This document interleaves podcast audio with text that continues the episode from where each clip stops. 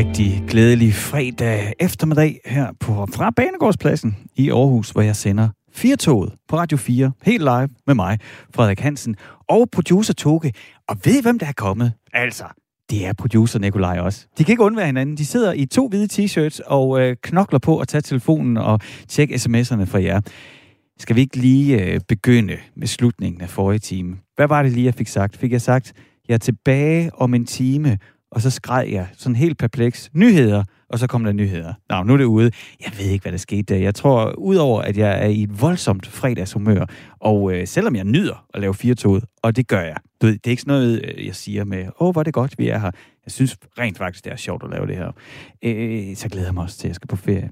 Og jeg er måske langsomt, mentalt, på vej på ferie i hovedet. Det kan være, det, øh, det står lidt stille deroppe lige nu. Nå, velkommen tilbage til Firtoget. Første time, hvor der æder med med knald på sms'en, fordi jeg havde besøg her i studiet af Thijs og Johan fra Atomkraft. Ja tak. Og, øh, og de var øh, mega velforberedte til at tage kampen om, og ja, du ved, at de mener, at der mangler fakta i en diskussion omkring atomkraft. At det er drevet af følelser, og de havde alle faktaene med ind. Og der er faktisk noget, jeg gerne vil kritisere mig selv for. Øh, fordi at jeg vil gætte på, at de er sidst i 20'erne, i begyndelsen af 30'erne, og jeg blev ved med at kalde dem sådan for drenge.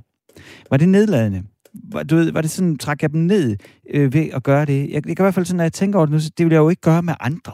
Men bare fordi de stod der, og de var så unge, så begyndte jeg at blive ved med at kalde dem, Nå, hvad så, øh, tak for det, drenge, og sådan Altså, ja, det synes egentlig ikke, det var så fedt gjort af mig. Men øh, det kan det være, nu har jeg jo øh, Danmarks største skriftestol, nu har jeg fået det sagt. Det kan også være, at jeg bare er for hypersensitiv, det er jeg nogle gange. Nå. I anden time af programmet, der er der forberedt mange fine ting til jer. Vi skal øh, tale om noget, jeg glæder mig rigtig meget til. Faktisk begge dele. Det ene, det er kristne computerspil. Altså, computerspil med kristne temaer. Til september, der kommer der til at være en udstilling i København med computerspil. Alle sammen kristne computerspil. Så det, øh, ja, det skal vi prøve at undersøge lidt om, finde ud af, hvad det foregår. De er i gang med at lave øh, forberede øh, udstillingen lige nu, så jeg ringer til Bobby Ågren og hører kristne computerspil. Altså, er der nok af dem, til man kan lave en udstilling? Det er der jo sikkert, når de gør det, ikke? Men altså, ja, ja, dumme spørgsmål. Dem har jeg masser af. Og så skal vi også øh, tale om den der frikadelle. Er den, øh, er den så dansk, som man tror? I hvert fald øh, sådan, det er sådan legendarisk i min familie. Altså, en utrolig begrænset ramme af min mor, eller som de bliver min mors frikadeller, eller som de bliver kaldt af mine børn, farmors frikadeller. Det er sådan noget, man siger med stjerner i øjnene. Ah, det er ligesom at komme hjem. Nu er desværre død. Så det, nu går sådan, altså, nu er de jo, altså, nu er der jo fra min datter, altså, der kan findes vel ikke noget i verden, der kan stikke farmors frikadeller, og hun er jo ikke til at lave dem mere, så det, det, det, det, hun er bare på øverste hylde. Men jeg siger det også fordi, at den der frikadelle, ikke? det er sådan, jamen det er så dansk, som det overhovedet kan være. Og det er det så bare slet ikke. Så det skal vi også tale om i dag. Og så er det jo øh, det der med, at, øh, at når Toga og jeg vi får lov til at lave firetoget, så gider vi altså kun at lave det, hvis det er sådan, I blander jer. Og det gjorde I den grad i første time. Altså, vi væltede ind med sms'er. Så øh, hvordan er det nu, man gør det der med sms'en? Jo, hvis du hører mig eller en af mine gæster sige noget, hvor du tænker, ha, det er ikke rigtigt, eller hørt, det synes jeg også, eller hvorfor gør vi ikke sådan, så skal du sende en sms. Så skal du sende en sms til 1424, altså 1424. Husk at begynde sms'en med R 4 mellemrum. Altså bogstavet R, og så et firtal og et mellemrum, og så ellers skrive, så lander den lige her på skærmen, så kan jeg læse den op. Uanset hvad der er, vi snakker om herinde, så kan du blande dig på sms'en. Du kan også ringe du kan ringe til producer Toga, han er klar til at tage telefonen på 72 30 44 44. Og husk nu, vi har et hul i den her time. Vi har et hul i vores sendeplan, og hullet, det er dit. Det er... Hvad, altså, er der bare noget, jeg konsekvent springer over? Er der noget, som du tænker, hvorfor er det, at medierne ikke behandler det her? Eller er der noget, hvor du tænker, hvorfor behandler medierne altid det her forkert? Eller på den her måde, nu skal jeg, nu tager jeg sender, nu vil jeg have mine fem minutter og forklare, hvordan er tingens tilstand egentlig? Hvis der er noget, du brænder for, hvis der er noget, du vil dele med mig og alle dem, der lytter med, jamen så ring på 72 30 44 44 72 30 44 44, så er Toge klar til at tage telefonen. Så kan det være, at det er dig, der får dine 5 minutter til at diskutere hvilket som helst emne med mig. Jeg er næsten 100% sikker på, at der er ikke noget, vi ikke tør tale om, så længe vi taler ordentligt. Det skal vi, ikke? Velkommen til Firtoget. Jens Breinholt Skov, er du med mig? Yes. Du har øh, undervist i og skrevet artikler om madhistorie. Ja. Og nu Ja. påstår du, at øh, den der frikadelle, som hedder farmors frikadeller hjemme med mig, den er overhovedet ikke dansk. Nej, det påstår jeg ikke. Gør du ikke? Nej, Hvad er det så, du siger? det siger jeg ikke. Jeg siger, at den, den er kommet ind i det danske køkken øh, siden omkring år 1900. Ja, Så okay. den er ikke sådan en signaturret for, øh, for dansk mad. Øh, det er kødsov, hvad hedder det, øh, spaghetti med kødsovs i lige så høj grad. Ja, okay, på den måde. Men jeg siger det jo også, vi starter på den, øh, på den der øh, deroppe, fordi det for mig, ikke, så er det sådan... Altså, jeg har, øh, jeg har kedet lytterne med flere gange, min kæreste, hun er tysk. Så, så det er jo altid, ja. du ved, når man så møder en fra, fra et andet land, så er der jo alle mulige ja. ting, man gerne vil introducere for. Men, ja. men, men, men altså, altså, der vil jeg jo som det mest naturligt sige, jamen, sådan grundlæggende dansk mad, det er da en frikadelle. Og så gør de på en skør måde over i Sverige. Men sådan som vi gør det i Danmark, det er den rigtige måde at gøre på. Men vi har ikke altid spist hakket kød, eller hvordan er det der? Jamen, det har vi jo ikke, fordi øh, der var ingen husmor, som jeg har skrevet om øh, i en kronik i politik. Der er ingen husmor, der havde tid til at have kød før år 1900. Ja. Fordi det, det var et stort arbejde. Mm-hmm. Så først er der, at den tekniske mulighed var der, for at hun kunne øh, hakke kød på en let måde, øh, eller slagteren kunne gøre det på en let måde. Ja. Så bingo, så, så blev det nemt mad, og så og det er også sådan, at øh, kød havde hun slet ikke adgang til. Altså, øh, fersk kød, det var ikke noget, hun kunne få før år 1900. Så hvis man går før år 1900, hvad er det så for noget mad, vi spiste? Jamen, der spiste man jo typisk mad, der var... Altså, hvis vi taler om kød, er det kødmad, vi taler om. Ja, øh, jeg tænker egentlig, så, hvad så, øh, så den gennemsnitlige dansker, før at vi fik de her muligheder, hvad spiste man så? Ja. De, de spiste øh, grød, øh, typisk grød eller søbemad, sådan som børn også får i dag, Mm-hmm. øh, som en, en forret, og så fik man noget, noget godt kogt øh, saltet kød øh, til, til efterret. Mm-hmm. Og det fik man så hele ugen, måske. Og, og, og så, hvordan kan det... Altså, men vores, vi- har jo en nationalret i Danmark, ikke? Stegt flæsk Jo. med persillesauce. Det burde jo i virkeligheden Ja. være grød så, eller hvad? Ja, det kan man sige. Altså, jeg ved ikke, om den der mere om, om Thailand, man der har i mavesækken. Øh, det var grød. Det er 2.400 år siden.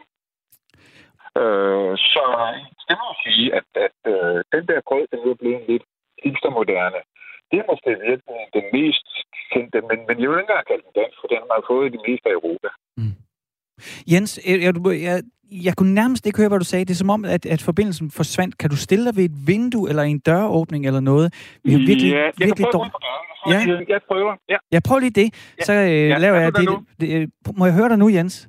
Ja, er jeg der nu? Åh, oh, det er meget bedre. Nu kan vi høre. Ja. Mit spørgsmål, Ja. det var, at øh, så burde vores øh, nationalret, den, der, den burde slet ikke være stikflæsk, den burde være grød, og der forsvandt du så desværre. Så nu får du lov til at Ja. svare igen. Ja, altså, jamen, øh, jeg, jeg mener, ja, det må man jo sige, om man vil have en nationalret. Klart. Men øh, hvis man vil have den ældste, den, den ældste, man kender, så er det grød. Ja. Og stikflæsk, den kom, den, øh, jeg har prøvet at se på det der med stikflæsk, og øh, jeg kan først finde den med persillesauce og rødbeder op i 1920'erne eller sådan noget, så okay. det er jo ikke en oldgammel ret. Det, det er faktisk også en relativt ny ret. Men, men Jens, så lad os prøve at skifte perspektivet fra øh, altså mad og Ja. øh, madhistorie til det politiske i maden. Ja. Kan mad være politisk? Om, om de skal, eller hvad Nej, du, om det er? det kan mad være politisk. Jamen, det er det jo. Altså, øh, når, når man udnævner øh, en ret til en national ret, øh, så er det jo et, fra Socialdemokratiet jo en klar politisk handling. Mm. Og når man kommer, hvad hedder det, øh, lægger en øh, gang, øh, hvad hedder det, makrel, tomat på, øh, på, op på, på nettet, Ja. så er det jo en markering af, af, hvad det er, man spiser, og det er jo ikke... Øh, ja, det er, en, det er en tydelig markering. Mm. Og hvorfor er det, du øh, reagerer nu? Jamen, jeg reagerer sådan set, fordi øh, nogen forsøger at forenkle vores øh, madforestilling. Mm. Altså, jeg prøvede, øh, det har jeg jo beskæftiget mig en del, og så, så ringede jeg til dansk, øh, hvad hedder det, sprognævn for at spørge, hvad er, hvad er dansk, danske ord? Mhm. Mm. Øh, og der sagde de så, jamen, det er jo dem, man bruger i almindelighed, altså de udbredte. Aha. Og så, øh, så gik jeg ned i, i Netto og i Føtex og så på det bare på hylderne. Og der kunne jeg jo så se, der var, udover at der selvfølgelig var flæsk i, i køleren, så var der også meksikansk, og der var sushi og alt muligt andet. Ja. Så, så, sagde, så sagde jeg jo til mig selv, jamen så er dansk jo ikke så snævre, som nogen gerne vil have det til at være. Mm. Og jeg startede med at så helt forkert at sige, at uh, du påstår, at frikadellen ikke er dansk, og det er jo lige nok det, du så argumenterer for, at den er dansk, fordi det, du siger, det er, ja, ja. det vi spiser, det er dansk mad. Der er ikke så meget mere ja. til det. Nej, men det er bare bredere. Altså det, ja. jeg argumenterer for, det er, at det er lidt snævert øh, at argumentere for, at der er noget særligt dansk. Mm. Øh, øh, fordi øh, så skal, vi, så skal vi have grøden ind. Ja. Jens Brandholdsgaard, du underviser og skriver artikler om madhistorie. Du, får, altså, du dykker ned i øh, vores madshistorie. Ja. Hvorfor synes du, det er vigtigt at tage den her snak omkring mad og politik? Mm, jamen, jeg synes sådan set ikke nødvendigvis, det er politik, men nu var det det, der, der undrede mig. Det, der ja, min pointe er, hvis du har læst den kronik igen, det er mm. sådan set, at vores historieforståelse er nogle gange lidt forenklet. Altså, og jeg siger vores, for det er der min, der også på nogle punkter. Ja. Så jeg synes, at vi trænger til at prøve at forstå vores historie. Det er derfor, det glæder mig, at øh, madhistorien er kommet ind i folkeskolen. Ligesom mm. historien, altså fagshistorie, var jo ude i en periode i folkeskolen. Øh, og det glæder det mig. Ja. At, øh, fordi det, det, jeg synes, det er lidt... Øh, lidt ja, at, øh, jeg vil godt have, at vi prøver at forstå, hvordan tingene hænger sammen. Men, men Jens, hvis man ligesom definerer det, ligesom du siger med sproget, at hvis vi bruger det hver dag, jamen så ja. er det de facto dansk. Hvad med sådan ja. en, en, en rullekebab? Den er da så lidt dansk, som den kan være, og den spiser vi så mange af. Hvor, hvorfor siger du, at den er så lidt dansk, som den kan være? Det er den jo. Jamen, jeg, jeg tænker bare, jeg tænker Mellemøsten lige med det samme. Ja, men, men, men det er jo det, vi må leve med. Altså, øh, at øh, Mellemøsten er her. Mm-hmm. Den er en del af den danske kultur. Ja. Ligesom hotdoggen er. Der er ingen, der har brokket over hotdoggen. Den er jo ikke opfundet i Danmark. Nej. Øh, så hvad er der nu i vejen med kebaben? Øh, spørger jeg. Ja. Hvis hotdoggen er god nok. Men, men og, og, og det forstår jeg jo også, godt. Ja, også burger, kunne jeg høre. Burgeren, altså den er jo også, øh, den er jo heller ikke en, en dansk, den er en amerikansk med ketchup i, ikke? Mm. Øh, så, så altså det du prøver at ligesom få mig til at sige, det er, aha, der er noget, der er helt, helt fremmed, ikke?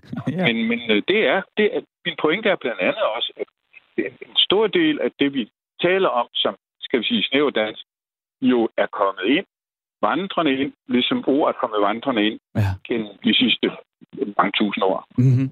Jamen, altså, og det kan jeg, den præmis kan jeg sagtens gå med på, at ligesom den mad, vi spiser hver dag, jamen den er jo, hvis vi spiser den her i Danmark, og, jamen, så er det jo dansk mad. Øh, noget, jeg bliver nysgerrig på, Jens, det er, når du sådan begynder at forske ned og dykke ned i vores madhistorie, hvad er det så for nogle ja. udfordringer, du møder i dit arbejde?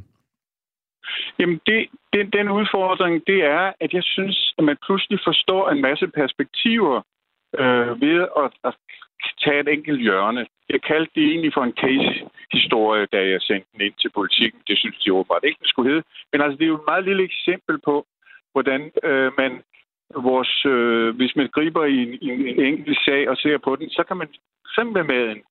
Og så vil jeg sige, maden er jo sådan set det, der optager os ved, ved siden af på andre små ting eller store ting meget hver dag, ikke? Mm. Så det vil sige, at det griber jo ind i vores liv.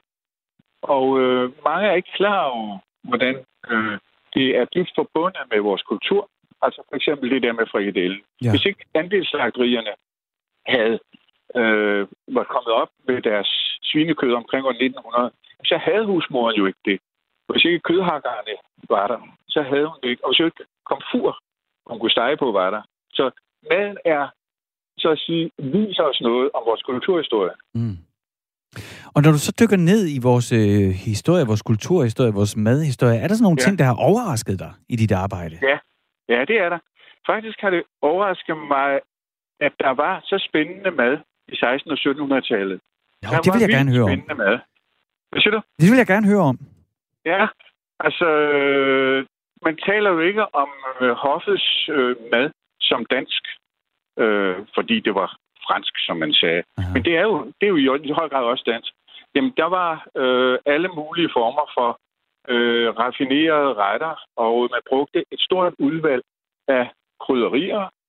Man brugte øh, masser af citrusfrugter, for eksempel. Dem, dem fik man importeret, og det havde man selvfølgelig råd til. Mm. Så skal vi sige, øh, bredden i det, der blev serveret i ja, hos herskabelige og øh, adelige og kongelige.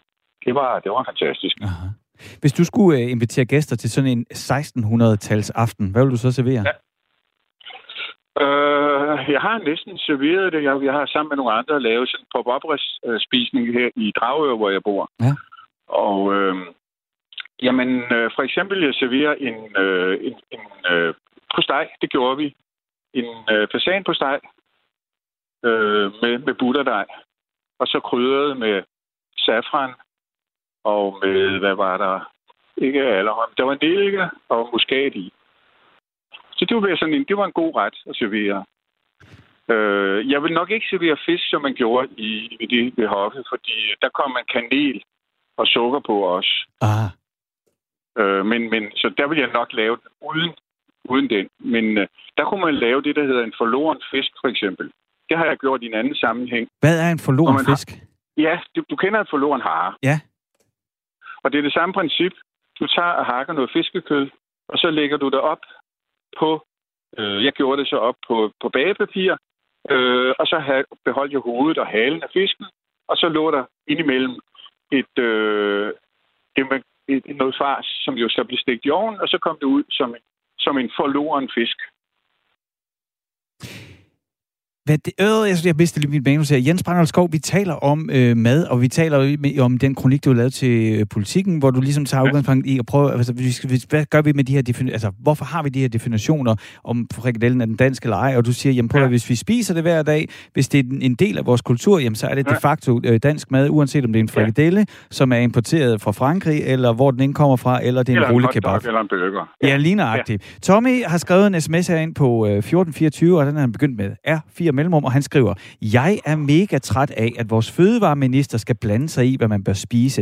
Jeg ændrer ikke mening med mine madvaner, madvaner. Når du skriver din øh, øh, kronik, Jens, er det også fordi, at du, at du prøver at separere det fra politisk indblanding? Nej, ved du hvad? Øh, det synes jeg er fair. Det okay. skal man da have lov til. Jeg synes bare, at øh, man skal vide, hvad man skriver.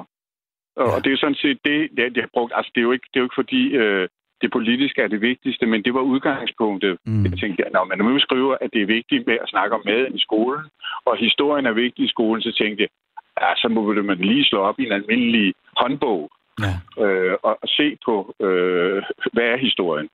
Og din pointe, Jens, er, så må du stoppe mig, hvis det er sådan, jeg, jeg, jeg, jeg tolker forkert, det er, at øh, altså, hvis man tænker, øh, Holger Danske er dansk, så er, vi, så er vi godt tilbage i historien. Og hvis man ja. så siger, at øh, svinekød i børnehaven, det er et udtryk for danskhed, så er man ikke nødvendigvis, så er det ikke sådan helt vildt funderet historisk. I hvert fald ikke, når vi taler hakket kød og frikadellen. Jeg skal lige starte med Holger Danske. Han hed Orgile Danois, øh, og var ikke dansk. Ja, der kan du se. Franskmand. Ja, han var franskmand. Og hedder Orgile Le Danois. Så han er muligvis kommet fra, op fra, men, men det var en, der hed Holger Danskeren, nede mm. i, i, øh, i, i 1200-tallet. Nå, men i hvert fald, prøv lige den der med svinekød. Nu jeg står lige ude og får lidt larm på gaden. Prøv lige at, at spørge det der med svinekød. Ja, men Jens, det var egentlig bare lige for at slutte vores samtale af med, at altså, ja. de her ting, som vi tror, der er danske, ja. og de her ting, ja. som så også nogle gange bliver taget som gisler af politikere ja. eller øh, folk ja. på holdning, der går du ligesom ud og siger, jamen prøv lige at høre, prøv lige at kigge på vores madhistorie. Altså, ja. hvis du går mere end et, et 100, hvis du går mere længere end 100 år tilbage, ja. jamen, så spiste vi grød. Alt er i virkeligheden noget, der er inspireret og importeret. Er det rigtigt forstået? Nej, det er forenklet. Altså, okay. det, det, det, det, det var det, SAS gik ud med at sige. Der er ikke noget, der er dansk. Ja. Selvfølgelig er, jeg vil kalde det, det, det er både og. Vi okay. har nogle ting, som har øh, nogle særpræg, som, som har gjort også sovs og kartofler. Øh, det får man ikke så meget i Frankrig, for mm. eksempel. Mm. Altså, vi har, vi har da selvfølgelig etableret nogle, nogle øh, traditioner, øh, men de, de forandres over tid, øh, sådan så man ikke kan sige, de er evigt danske. Det er det, jeg har så over. Den ja. der forestilling over det evige danske. Det er det ikke. Men Jens Skov... Ja, ja, undskyld. Nej, men jeg vil bare jeg vil slutte vores samtale af, så vil jeg sige tak. Nu fik ja. du i hvert fald lov til at understrege det. Du underviser i, og du skriver artikler om madhistorie, og nu er du med her i Firtoget til, og uh, tager os med ind i din kronik omkring ja. frikadellen. Ja. ja. Fortsat god fredag. Ja. Ja, tak. God, fortsat god udsendelse. Jo, tak. Og du lytter altså til Firtoget, og øh, ja, mig, der har en øh, 35 minutter til, at det, jeg tror, Nikolaj han henter en øl i dag. Jeg kan mærke det. Jeg tror det. Jeg overfører på Mobile Pay, Nikolaj. Producer Nikolaj er kommet på besøg og øh, sidder og passer firtoget sammen med producer Toge, og øh, jeg har sådan cirka 35 minutter tilbage som ferieværtsvikar, så er det slut med mig her i firtoget. Som øh, var en dag, hvor vi har talt om frikadeller og atomkraft. Der var... Øh, ja, i første time af programmet havde jeg jo to gæster inden for atomkraft. Ja tak. Og der havde Toge og jeg, vi har forberedt alt muligt, vi skulle. Og det måtte vi ligesom rykke, fordi snakken gik, som den gik, og øh, det væltede ind med sms'er. Og det var, ja. Så nu kigger jeg lige ud på min producer Toge, og så siger jeg, har, har vi en lytter til hullet lige nu, eller skal, vi køre, eller skal jeg lige køre noget? Ja, jamen, så kan vi nemlig ikke fortsætte i vores historie. Fordi ja, jeg har jo inviteret jer til at ringe ind, og sagt, at vi har lavet et hul her i sendeplanen. Og der var også øh, booket, øh, jeg tror det var Bent, siger øh, Toke nu, som skulle have ringet ind, og vi kan ikke få fat i ham. Så det er derfor, jeg står som, hvis du tænker, hvad er det? Hvorfor er det så utjekket? Jamen det er fordi, vi havde egentlig lagt en plan, og nu må vi jo så øh, reparere flyvemaskinen, mens vi flyver. Så det, jeg prøver langsomt at kravle over i, det er den snak, som vi havde i dag omkring atomkraft. Ja tak, eller nej tak. Det havde vi også i morges her på Radio 4. Der var det øh, Ida Sofie Sellerup, som passer Ring til Radio 4 der spurgte det samme. Og hun brugte 55 minutter på at diskutere med Danmark, om vi skal have atomkraft, ja eller nej. Og jeg vil sige, der hvor jeg er i diskussionen, det er jo jeg har sådan en indbygget, medfødt, skulle jeg til at sige, fodformet 70'er holdning, at atomkraft, det er bare noget, man siger nej til. Det skal man bare undgå. Og så øh, efter i dag at have besøg af de her øh, to intelligente fyre, for atomkraft, ja tak, som kan svare, i hvert fald hvad de fakta, de har indsamlet, ikke? kan svare på noget når jeg alt, hvad man skyder efter dem, så kan de sige, jo, men det er måske rigtigt nok, men på den ene side, men så egentlig også på den anden side. Og hvis du kigger statistisk, jeg kan mærke, at jeg bevæger mig langsomt over i den der lejr, der siger, måske skal vi kigge på det her rationelt. Måske er kernekraft redningen, klimaredningen. Jeg ved det ikke. Nå, men i hvert fald øh, i formiddags, der ringede, øh, der talte Ida Sofie Sellerup sammen med Tajai Holland, som er klima- og energipolitisk rådgiver i Greenpeace. Og han siger atomkraft. Nej tak. Skal vi lige prøve at lytte herfra i formiddags? Altså atom, ny atomkraft vil, øh, fordi det har sådan en lang byggetid og koster så utrolig mange penge, så vil det simpelthen øh, ikke kunne levere øh, nogle CO2-reduktioner i, i, i den periode, som, hvor det skal. Det er de næste 10-20 år, hvor vi skal virkelig reducere vores udslip. Og der vil ny atomkraft overhovedet ikke kunne levere noget. Tværtimod vil de penge, man bruger på at, at satse på det, vil simpelthen gå væk fra det, som faktisk giver nogle hurtige reduktioner, som vi skal bruge. Dertil kommer jo, at der er store problemer med atomkraft. Øh, vi har lige hørt om, om Tjernobyl-ulykken, altså der kan ske, ske ubehagelige ulykker med atomkraft. Ja. Sandsynligheden er måske, ikke, er måske meget lille, men konsekvenserne kan være meget, meget store. Og det er jo derfor, man efter uh, Fukushima-ulykken i 2011, øh, at for eksempel den, rus, uh, den uh, tyske regering simpelthen vedtog, at man ville udfase sine atomkraftværker. Uh, forestil jer hvis man forestiller sig, at der sker en, en atomkraftulykke i Europa, så vil vi slet ikke have den her diskussion i dag, så vil man bare have sagt, glem alt om det.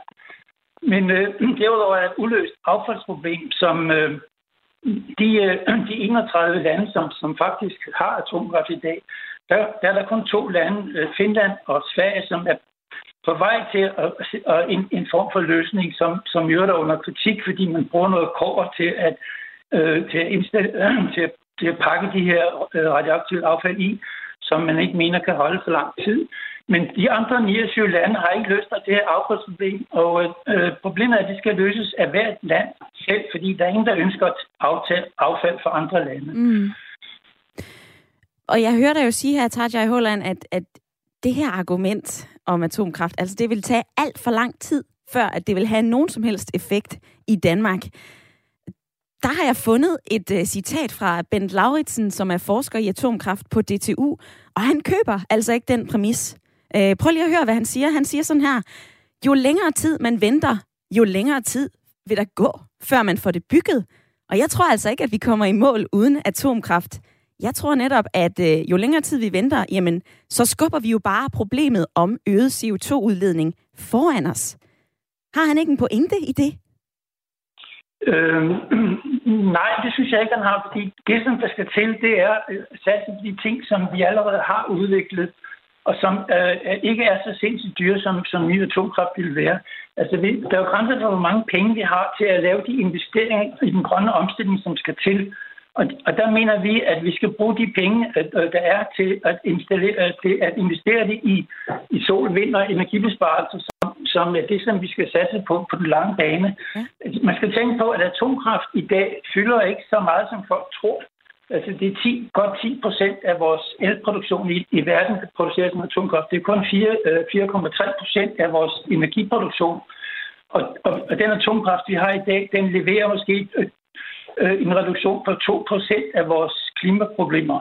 Så derfor er det, en, det er et lille marginalt bidrag, vi snakker om. Øh, og de atomkraftværker, som bliver stående i dag, de øh, har en gennemsnitsalder på 31 øh, år. Det vil sige, at de er alle sammen pensionsalderen, de fleste af dem er i pensionsalderen. Og det vil sige, at hvis vi bare skal holde det øh, marginale niveau, vi har i dag med atomkraft, så skal vi bygge en frygtelig masse nye atomkraftværker, som koster det hvide ud ørerne, mm. og som går væk, og det, de penge går væk fra det, som faktisk kan levere på den korte bane.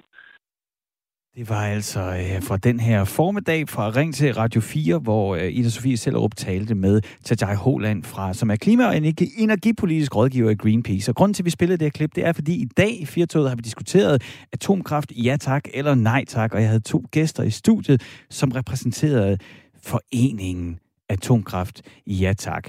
Og I er vældig, vældig ind med sms'er på det her emne, så det er jo super. Hvis man stadigvæk vil blande sig, så har jeg altså, der er i hvert fald en halv time nu, hvor jeg kan læse sms'er op. Så hvis du har lyst til at sende en sms, så kan du gøre det på 1424, altså 1424. Du skal bare huske at begynde din sms med R4, altså bogstavet R, et firtal, et mellemrum, og så skriv løs. Så lander øh, din øh, sms lige her, hvor der kommer en ind, hvor der står atomkræft, altså med E, badum, bum, en lille sprogvits der, nej tak. Jamen, så kan det være ja tak eller nej tak. Og så kan man selvfølgelig også ringe. Producer Togan er klar til at gribe knoglen. Ring på 72 30 44 44, 72 30 44 44 og del din holdning. Eller måske har du bare lyst til at fylde det der hul ud, vi har lavet i sendefladen. Hvad med dig, Allan? Har du ikke lyst til det? Velkommen til Firtoget, Allan. Jo, tak.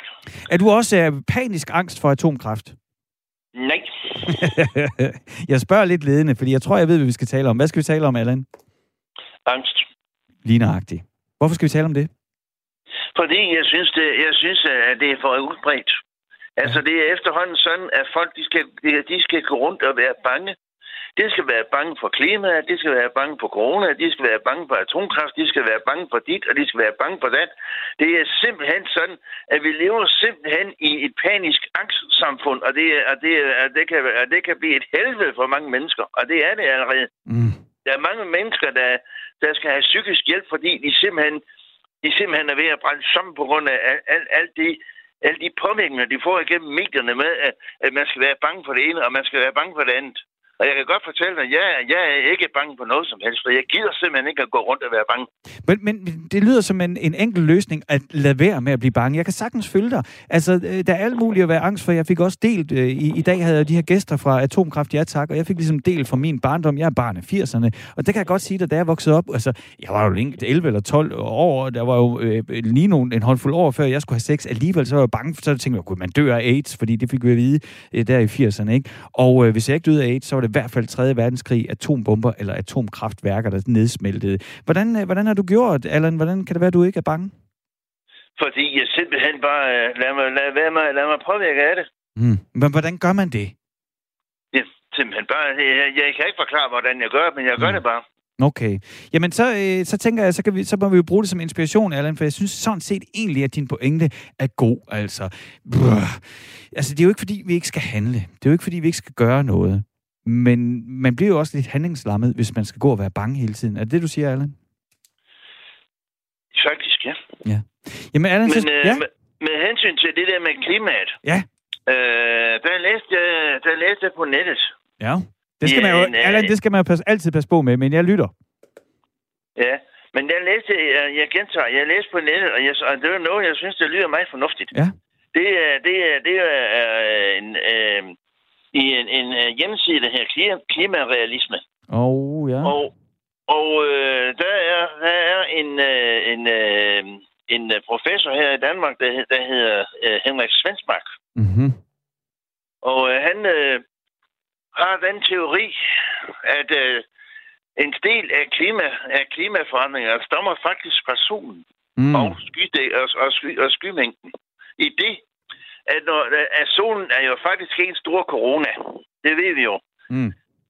Og øh, den, øh, den udspyrer jo, udspyrer jo ild øh, langt ude i, i rummet. Ikke? Mm-hmm. Og jo mere ild øh, den, den spyrer ud i rummet, jo varmere bliver det. Mm-hmm. Det er jo noget, der er logisk. Og det Jo. vil sige, jo varmere det bliver, jo mere fordamper skyerne. Mm. Og jo mere skyerne fordamper, jo mere varme kommer, det her ned til, øh, kommer det her ned Ja. til jorden. Altså, Allan, altså, og det, man skal jo altid øh, holde et åbent sind og se, hvad der er derude, men altså den opfattelse, og det, som jeg har lært indtil nu, det er, at det kan godt være, at man kan finde en professor i et hjørne, der siger noget, men den gen- generelle konsensus blandt alle klimaforskere, det er, at de Ja, ja. ændringer, vi ser, de er menneskeskabte. Men ved du hvad, den, øh, den øh, diskussion skal vi to slet ikke tage, Allan, fordi det, jeg hørte af dit budskab, det er, lad være med at gå og være så bange. Ja, og det, er- og det er mit hovedbudskab, og sådan er det. Og ved du hvad, den er sendt videre. Allan, tusind tak, fordi du lyttede med, og tusind tak, Selv fordi tak. du ringede ind og lige greb øh, chancen til at fylde vores hul i sendeplanen ud, og have en rigtig god fredag. Jo, tak. I Lige måde. Det var altså Allan, der ringede ind, og øh, ja, hjælp os med at lave programmet, Toge. Så skal vi lave mindre, når der er folk derude, der ringer ind og fylder minutterne ud. Så skal jeg tale en lille bitte smule mindre, og det er der måske nogen derude, der tænker, at det er sådan set dejligt nok. Tidligere i dag, der ringede jeg til Bobby Ågren. Det gjorde jeg, fordi udover at han har en frisør, han har faktisk to øh, butikker, hvor han klipper hår og sælger gamle legetøj og gamle spil, så er han i gang med at forberede en udstilling om kristne computerspil. Og det synes jeg simpelthen var så spændende, at øh, det vil jeg gerne høre mere om. Og nu kan du også lytte til det.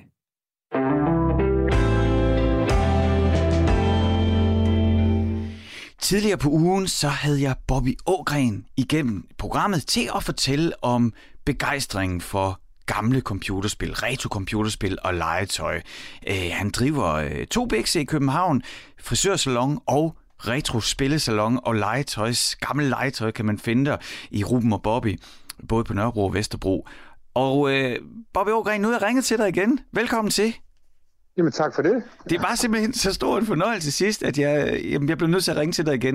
Nej, jeg ringer til dig, fordi at i vores snak bagom båndet, der, og du siger det faktisk også i, i vores, øh, vores snak sidst, der nævner du det kort, at du er i gang med en udstilling, du er ved at forberede. Hvad er det, du er i gang Ja. med lige nu? Jamen, jeg er i gang med, med et, et samarbejde med øh, U-kirke her på Vesterbro, ligger ved Litauens Plads. Øhm, er i gang med at lave en øh, udstilling om øhm, computerspillets historie, men øh, udelukkende med udgangspunkt i kristne computerspil. Er jeg sådan, anede, øh, Bobby, jeg anede ikke, der fandtes kristne computerspil. Vidste du det, inden du gik i gang? Ja, det vidste jeg godt. Jeg er selv vokset op i, hvad kan man sige, frikirke, pinsekirkebevægelsen. Jeg er ikke en del af det længere, men øh, så på den måde, øh, så var det lidt en sjov måde at ligesom kombinere på en eller anden måde min opvækst, både med, som hvor computerspil fyldte meget, men så fyldte den her kirke og tro jo også meget. Okay. Øhm, så på den måde har det været lidt en, en sjov måde ligesom at, at koble, de, koble de ting sammen. Men det er ikke noget, jeg har spillet. Jeg har ikke selv spillet kristne computerspil. Jeg har mødt det med, med tegnefilm, og jeg har også mødt det her med, at, at Ninja Turtles for eksempel kan være, være oh, det var lidt farligt, og Ja. øh, Pokémon var jo også lidt nogle monster, man havde i sin lomme, altså pocket monsters, og Mm. man har hørt meget det her med, at computerspil er farligt, og har også mødt det her fra mine forældre, der var bekymrede, hvordan jeg ligesom skulle blive påvirket af de her spil. Men jeg har ikke prøvet nogen kristne computerspil så i min opvækst. Men, men, men Bobby, hvordan definerer, altså hvad definerer et, hvis vi lige skal begynde der, hvad, hvad definerer et kristen computerspil? Jamen, altså, et kristen computerspil er et, der sådan inkorporerer temaer fra kristendommen, øh, og ligesom på en eller anden måde også passer med kristne øh, værdier. Mm-hmm. Øh, man kan lidt gruppere dem sådan lidt i, i tre forskellige øh, jeg kan sige, grupper, hvor den ene ligesom minder om et almindeligt computerspil, eller sådan, men hvor at man ligesom tager, hvor det foregår, det er måske Adam og Eva, eller det er Moses, altså hvor, hvor temaet og grafikken ligesom øh, handler om, øh, ligesom er taget fra Bibelen. Mm-hmm. Øh, så er der nogle andre, som er mere sådan, hvad kan man sige, undervisende, det man kalder for edutainment-spil, altså undervisning, men også entertainment, hvor man så kan lære om skriftsteder i Bibelen på en, eller hvor de forsøger at gøre det på en underlig måde, eller underholdende måde, kan man Mhm. sige. Og, og så er der de sådan mere missionerende, der gerne vil øhm, omvende eller, eller få dig til at blive kristen. Aha. Øhm, så kan man måske godt groft sagt sådan gru- gruppere dem i de tre forskellige kategorier, og nogen krydser sig lidt over, ikke? Og hvilken form, øh, altså altså, kan, det være, kan de være alle mulige? Der findes jo adventure-spil og actionspil, og der er jo voldsomt drablige, blodige kampspil. Altså kan de antage enhver computerspilsform, de kristne spil? Ja, ja og det er jo det er noget af det sjove øh, med at dykke ned i det, det er, at der for, for det første er der lavet rigtig mange computerspil. Mange af dem er fra USA. Mm-hmm. Øh, vi har også et enkelt, øh, der er dansk produceret fra 2001, øh, der hedder På ekspedition i Bibelen, som øh, det danske bibelselskab øh, gjorde, lavede, øh, som man fik til, øh, til konfirmationsforberedelse øh, øh, der i, øh, i 2001 og deromkring. Øhm, men altså man kan sige, ligesom med andre computerspil, øh, hvad kan man sige, ikke kristne computerspil, så øh, var computerspil jo meget simple der i, i 80'erne og op igennem 90'erne. Øhm, derfor kunne de godt stadig være gode, og der kunne også være en masse dybde i. Men der blev ikke fortalt så meget historie øh, i de tidlige spil. Øh, og, de, og de kristne spil starter sådan fra, de er allerede fra 82 begynder der at blive lavet kristne okay. computerspil. Øh, den tidligste, vi har med på, på udstillingen, er et arkadespil, der hedder Noras Ark, hvor man er, er Nora, der skal redde dyrene, inden at de op i arken, inden at vandet kommer. Mm. Så det er jo sådan lidt sådan en puzzle, action puzzle øh, spil. Ja, okay. Bobby, jeg har, sådan, jeg har sådan to spørgsmål nu, der brænder på, der går hver sin vej. Nu, nu starter lige den ene fordomsfulde ja. vej. Det er, mm-hmm. at øh, jeg er ikke øh, specielt kristen, eller har noget forhold til kristendommen. Men for eksempel heavy metal, det ved jeg en del om. Og jeg ved, du ved, at der er også sådan nogle, der fandtes også, øh, og findes sikkert også stadig, sådan kristne heavy metal bands. Og det var sådan lidt, du ved, det var lidt, hvad skal, det, hvad skal man sige, onkel smart. Altså, eller du ved, onkel Kikse. ja. Altså sådan nogen, der ja. ligesom, hey kids, we're also cool, huh? Agtigt bevæger ja. sig ind på en arena, som jo egentlig er farlig og, og uhyggelig, og, og så kommer der kristne budskaber ind, og man prøver ligesom at, at tage lidt leder på, men det er også med praise Jesus. Ved du, hvad jeg mener? Mm. Jeg ved fuldstændig, hvad du mener. Og jeg lyttede også til noget kristen rap, da jeg var barn, og, og også noget heavy, heavy metal, og noget, der hed Tourniquet og Modification og sådan. Og de blev jo ret populære, dem der hed POD, jo også med sådan noget nu metal. Ja. De var jo også kristne. Ja. Jeg ved ikke, om du kan huske det. Jo, jeg kan godt huske det, nu du siger det. Øhm, men det var jo sådan lidt... Øh, øh, det bliver lidt et kikset forsøg på også at, at være med på, på nogle af de der ting. Og jeg vil sige, grundlæggende kan man også sige med de kristne spil her, at der er meget kitsch, og der er meget øh, de er meget dårlige. Altså rigtig mange af dem. Okay. Der er nogle få, som er gode. Øhm, men, øh, men generelt kan man sige, at det er lidt nogle kikse forsøg på at tage kasketten på øh, omvendt på, og, ja, og, så, præcis. og så en ghetto blast op på skulderen, og så være ung med de unge. øhm, og man kan sige, at der er, det kan godt være svært, hvis ens... Jeg tror, man godt kan sige, at det, det, man godt kan komme til at lave et meget dårligt spil, hvis ens præmis ikke er at lave et godt spil, men måske mere, at man har en anden præmis om mm. at prøve at påvirke øh, positivt eller komme med nogle kristne budskaber. Ja. Øh, og det kan man sige fælles for dem her. Der er mange af dem, der er fejlet i at først og fremmest måske tænke på budskabet, og ikke tænke på, at spillet nødvendigvis måske skulle være super godt. Mm. Men dermed ikke sagt, at det ikke er spændende at dykke ned i dem, fordi de er jo ligesom et, øh, de er jo ligesom et, øh, et symbol på det her med, at man har tænkt, at computerspil er noget farligt noget, Øh, så det er sådan et, øh, det er et ultimativt modsvar måske på, sådan, kan vi gøre computerspil til noget ensidigt positivt på en eller anden måde. Ikke? Mm. Øh, det har man jo lige siden et computerspil kom ud været bange for de her, den her påvirkning af ungdommen og børnene, der sidder der med de der spil. og, og har så tænkt, okay, vi skal have noget til de, de nervøse forældre, som de kan give dem med, med god samvittighed, ja. eller ligefrem på, påvirke dem positivt. Ikke? Men Bobby, altså, Bobby, nu sagde jeg jo, at jeg, at jeg havde sådan uh, to spørgsmål, der brændte på, ikke? og det ene, det var sådan den her uh, ja, fordomsfuld forventning om, at det var nogen, der ligesom bevægede sig ind på ukendt territorie for at, ja, at sige, at vi er også smarte, og det bekræfter du, at det er det i høj grad, men der er også findes gode ting. Men, men mit mere begejstrede spørgsmål, det lyder på, at når jeg tænker tilbage på min folkeskoletid, Bobby, så er uh, mit yndlingsfag, det var kristendomskundskab, dengang, hvor gammel var jeg, anden klasse, eller hvornår man end havde det dengang i 80'erne, ikke? Og det var fordi, at historierne, de var så vanvittige. Altså, det er jo nogle altså, vildt mm. blodige og dramatiske historier. Det er jo et eller andet sted... Altså, først da du, da du sagde det her med kristne computerspil, så var jeg sådan lidt til hø. Men da jeg så tænkte over det, der er jo nogle fantastiske historieoplæg til spil. Mm. Jamen, helt sikkert. Og, øhm, og, og egentlig synes jeg jo også, at det jo også er det her med... Altså, der kunne sagtens blive lavet et God of War, eller et Tomb Raider, eller et... Øh, øh, eller et, et hvilket som helst andet, altså big budget spil, kunne jo virkelig godt bruge de her, øh, de her ting og de her historier, som er i Bibelen, og, og få en tilbage i bibelsk tid og lave et godt spil. Øh, men man er jo lidt forskrækket for ligesom at, at beskæftige sig med religion.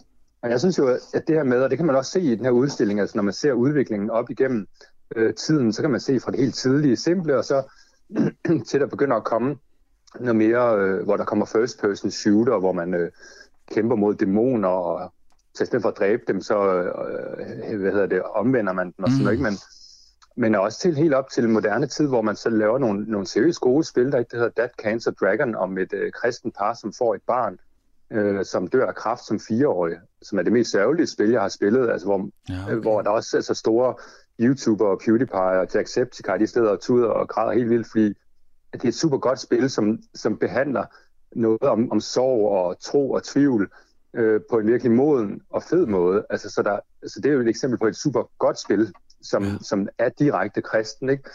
Men jeg synes jo, at, at computerspil, måske især de sidste 10-15 år, er jo også modnet og, og vil gerne fortælle nogle historier om tro og om, måske tro er lidt svært, men stadigvæk måske om nogle voksne tematikker omkring livet. Altså det er jo også ligesom blevet et modent øh, og, og et medie, som man også kan tage seriøst og som kan være til voksne. Ikke? Mm. Øh, og det er lidt, lidt en ny ting, og jeg tror, man kommer til at se det meget mere øh, den næste tid. Ikke? Der har været meget indie-scene, der har presset på med at, at tage mediet voksent og, eller seriøst. Men øh, det tror jeg, vi kommer til at se meget mere. Bobby, lige nu også... Øh, her i sommeren, der er du jo fuld gang med at øh, teste spil og forberede udstillingen. Hvornår kan, man, øh, hvornår kan man selv få en oplevelse? Og hvad er det for en oplevelse, man kommer til at få? Jamen, øh, midt september, slut september satser vi på, øh, og det er i Ukirke, hvor vi laver en, øh, vi laver en åbningsdag, hvor at, øh, jeg holder en foredrag, og præsten fra Ukirke kommer og fortæller om hendes øh, forhold til øh, computerspil. Øhm, og ellers så vil det køre en måned frem, hvor man kan komme ind i kirken og øh, prøve 14 forskellige øh, øh, hvad kan man sige, stationer fra Arcade og Atari 2600, Nintendo, Sega, Playstation, Xbox, øh, PC fra 95 og 99 og 2005, øh, hvor man så kan prøve de, de maskiner, som, som spillene er lavet på.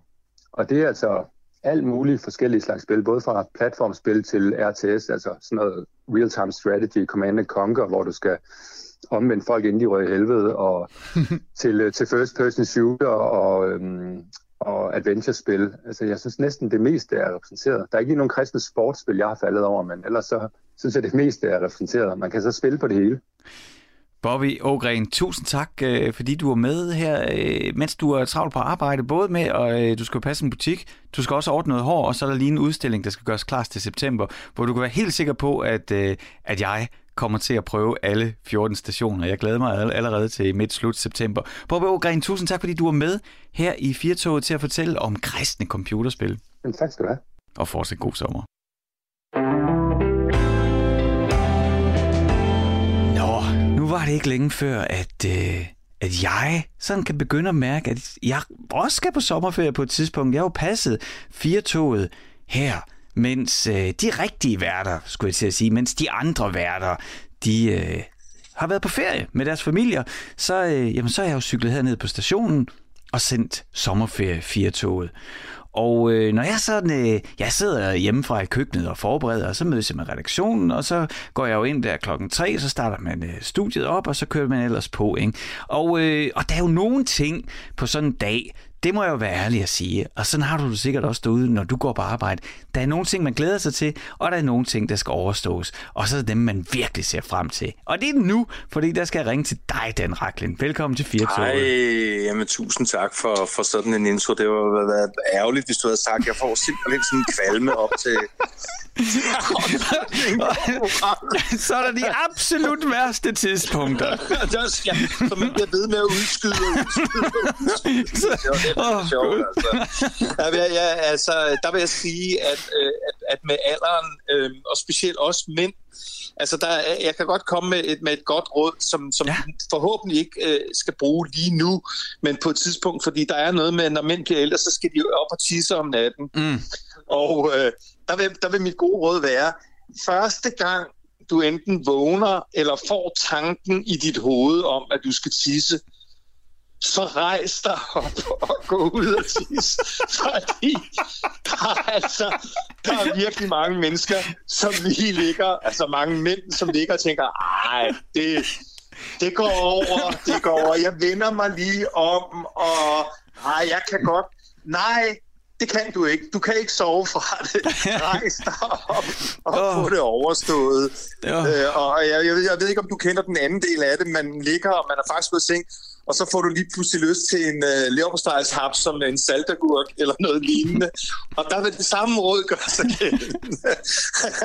Når du får tanken, så gå op og gør det, fordi ellers så bliver du sindssyg.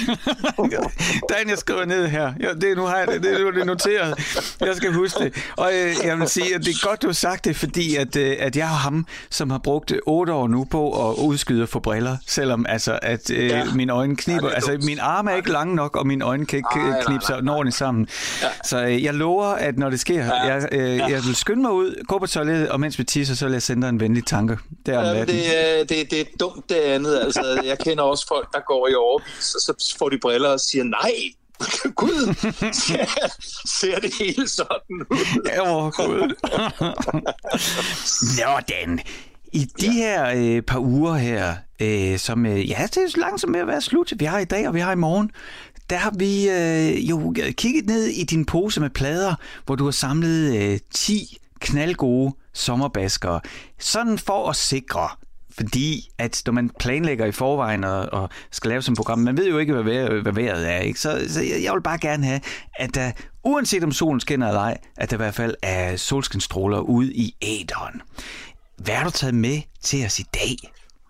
Jeg har taget Nick Kershaw med. Øj. Det er mit, uh, mit barndomsidol. Med I Won't Let the Sun Go Down on Me. Sådan. Øhm, som øh, Nick Kershaw er en, er en sjov størrelse, fordi øh, han, han kommer, øh, han får en, med, med lidt god vilje en håndfuld hits der i perioden 83, 84, 85, og så øh, har han jo øh, været aktiv udøvende musiker er det den dag i dag, men hvis vi skal være helt rimelige, så, øh, så, så, så, så, så har det været svært for ham efter den gang i midt-80'erne med I Won't Let the Sun Go Down on Me er lavet i et utal af dance øh, pop-versioner, øh, og øh, ja, altså er en god sang. Han er sådan set en ret færm øh, hitskrædder og komponist. Øhm, Må jeg hurtigt lige indskyde, Danne? Altså, ja. min yndlingssang, der var bare, altså, jeg var Duran Duran og Nick Kershaw, ikke? Og ja. øh, altså, Wouldn't It Be Good og The ja. Riddle, det er, altså, ja. det er soundtracket ja. til min barndom. Ja, men helt sikkert. Øh, det er også to af hans andre øh, top 10 hits. Øh, men som vi talte om på tidligere, eller i en tidligere samtale, det der med øh, sangen, der ændrer en kunstners liv, ja. øhm, øh, som vi var fascineret af, så kan jeg også godt være fascineret af, at man som, som musiker og komponist rammer en nerve og får lavet ikke kun et, men adskillige store, solide hits, øh, og så på et eller andet, øh, en eller anden underlig, ikke så fed måde, mister den lidt igen. Ja. Øhm, han vil sikkert være uenig med mig, og sikkert kunne spille nogle sange for mig, som var stærke, hvis jeg sad hjemme hos ham lige nu. Men i forhold til hitlisteplaceringen, der, der, der stillede det hurtigt af igen, kan man sige. Mm. Øh, jeg får lyst til at dele en historie med dig, Dan. Øh, altså, øh, ja. da, da jeg, øh, altså jeg gik, jeg, jeg, jeg tog 10. klasse med i folkeskolen, fordi jeg vidste ikke, hvad jeg ville. Jo, jeg ville bare allerede begynde at interessere for musik, og det var det, jeg ville, men du ved, hvad, hvad skulle man så lave rigtigt. Ja. Og mine forældre, de var ikke ja. sådan nogen, der skubbede eller sagde, at man skal gøre det eller det, eller på den måde sådan ytrede nogle ambitioner i den retning. Nå, men så tog jeg 10. med, fordi så kunne jeg ligesom gå og tænke over det.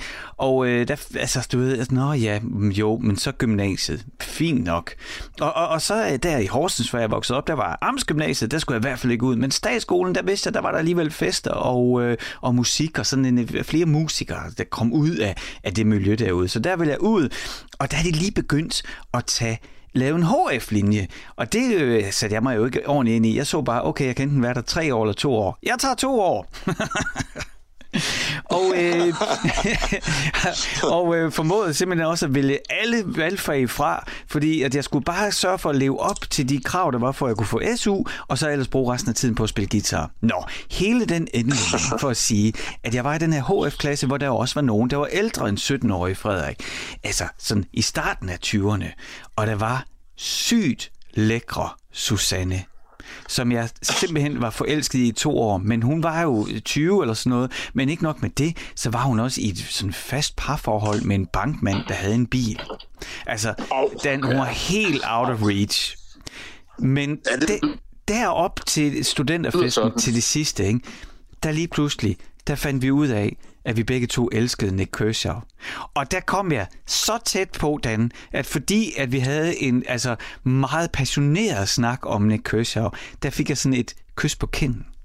Og det var det tætteste, du kom på? Ja, det var det tætteste, jeg kom på. Altså, jeg tror ja. stadigvæk, hun er sammen med, med, med bankmanden med og børn og sådan noget. Og, ja, ja. Ej, de fucking bankmænd der. Jamen, altså, det, det, som vi jo også har været, været omkring flere gange øh, i, i de her snakker om de her øh, sommerhits og musik sådan helt generelt, øh, så må man jo bare erkende punkt et, der er jo ikke noget, der bringer folk sammen som, som, som kærligheden og dedikationen til musik.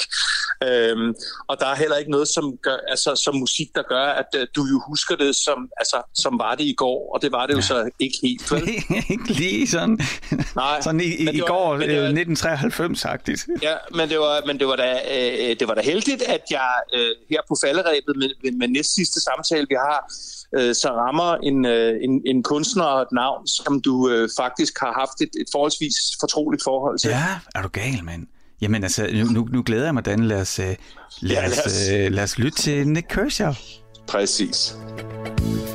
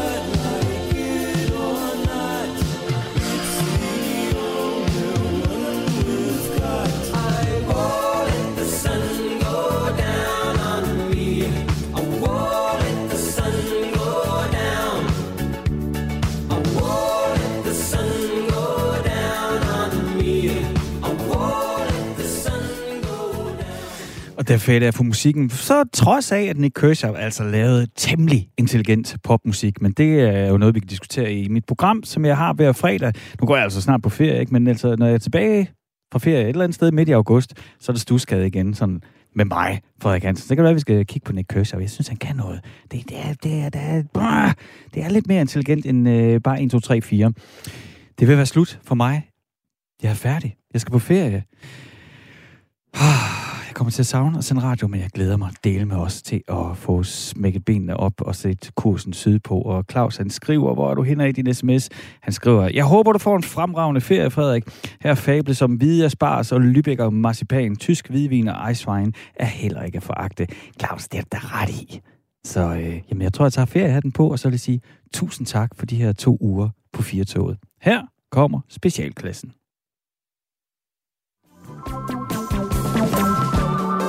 lytter til Specialklassen.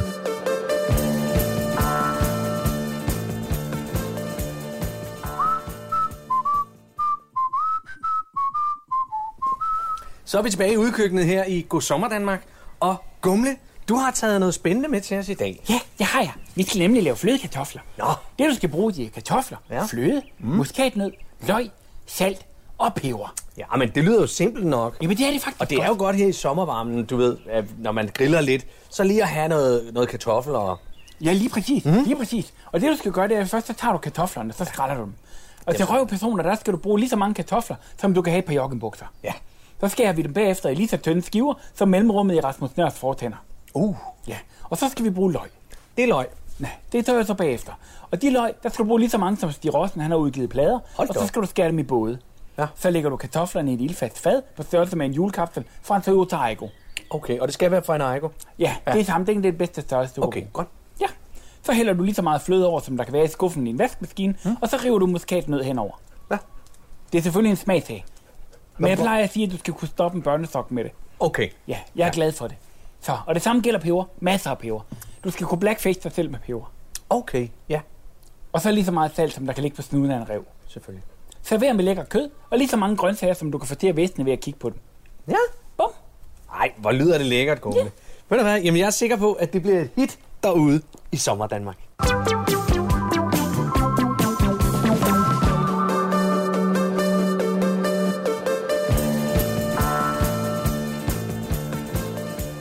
Nu skal jeg se, om jeg kan undgå at kludre i det.